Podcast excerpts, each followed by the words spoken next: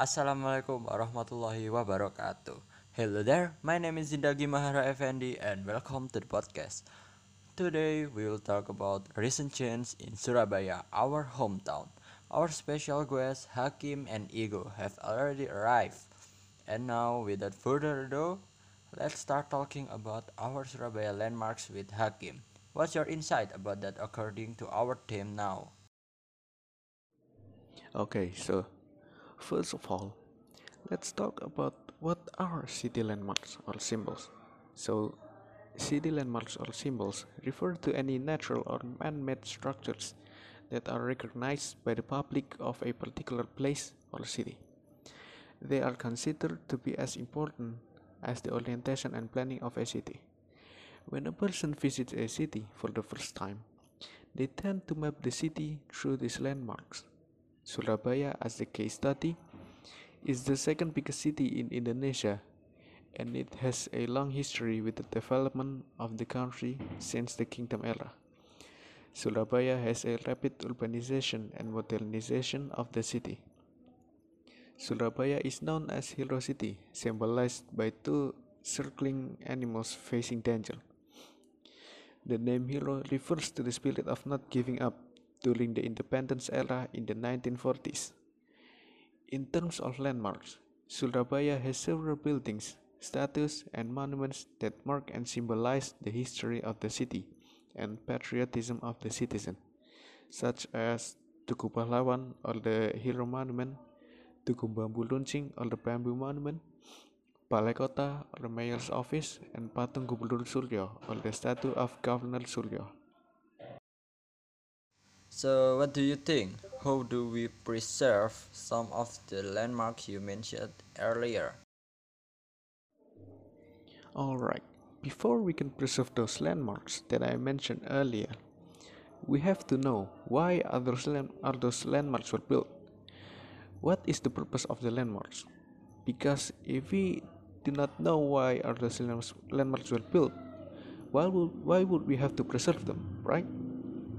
Then, after we know about the purpose of the landmarks, we can take some action to preserve those landmarks. Oh, yeah, you are absolutely right. So, what action do we take to preserve those landmarks? Alright, so that is a good question. What actions do we take to preserve those landmarks? What can we do to preserve those landmarks? So we can start by um, preserving those the landmarks as well as possible. Following the rules when you are visiting those landmarks. Always keep the place clean, both inside and outside. Maintaining and caring for existing landmarks and promoting those landmarks to the next generation of the nation and the international community. Wow, how interesting, isn't it? Thanks to Hakim, our special guest, for giving us any wonderful insight. Now, let's move on to our next special guest, Igo. Let's talk about the smart city of Surabaya. It is a very important topic. Now, how about your insight, Igo? smart city that will be implemented in the city of Surabaya is the development and management of the city utilizing information and communication technology to connect to monitor and control exciting resource in city to be more effective and efficient in its service to support sustainable development smart city is a concept can help people manage exciting city resources more effectively and efficiently. So, the purpose of smart city concept, among other is form a city that is safe and comfortable for its people.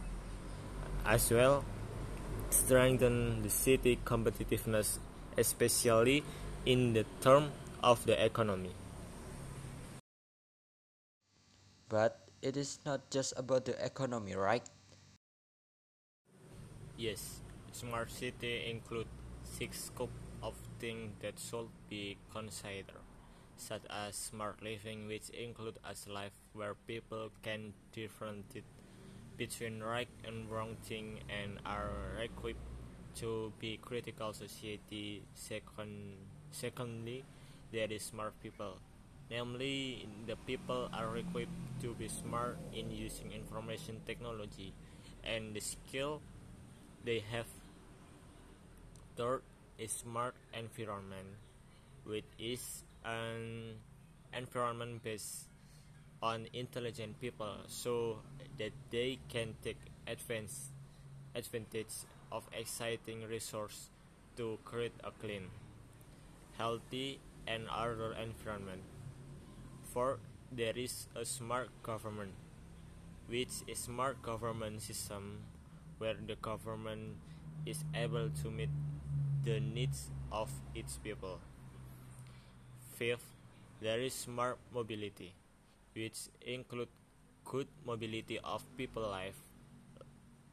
Last, smart economy, namely society it is able to have sustainable competitiveness to create a good smart city concept in its implement implementation to the six scope of smart city one of the technology applied in the city of Surabaya is smart environment in- integrate traffic system management. This is integrate traffic system management is a traffic management system that aim to strategically manage traffic to reduce congestion, reduce travel time, and reduce frustration for people who live, work, or visit in the cities of Surabaya. Okay, thanks Ego. We hope that concept can succeed in our hometown because many useful things can be happen here. Okay, thanks to our special guests Hakim and Ego. This is the podcast. I'm Zindagi Mahara Effendi. Assalamualaikum warahmatullahi wabarakatuh. Bye bye.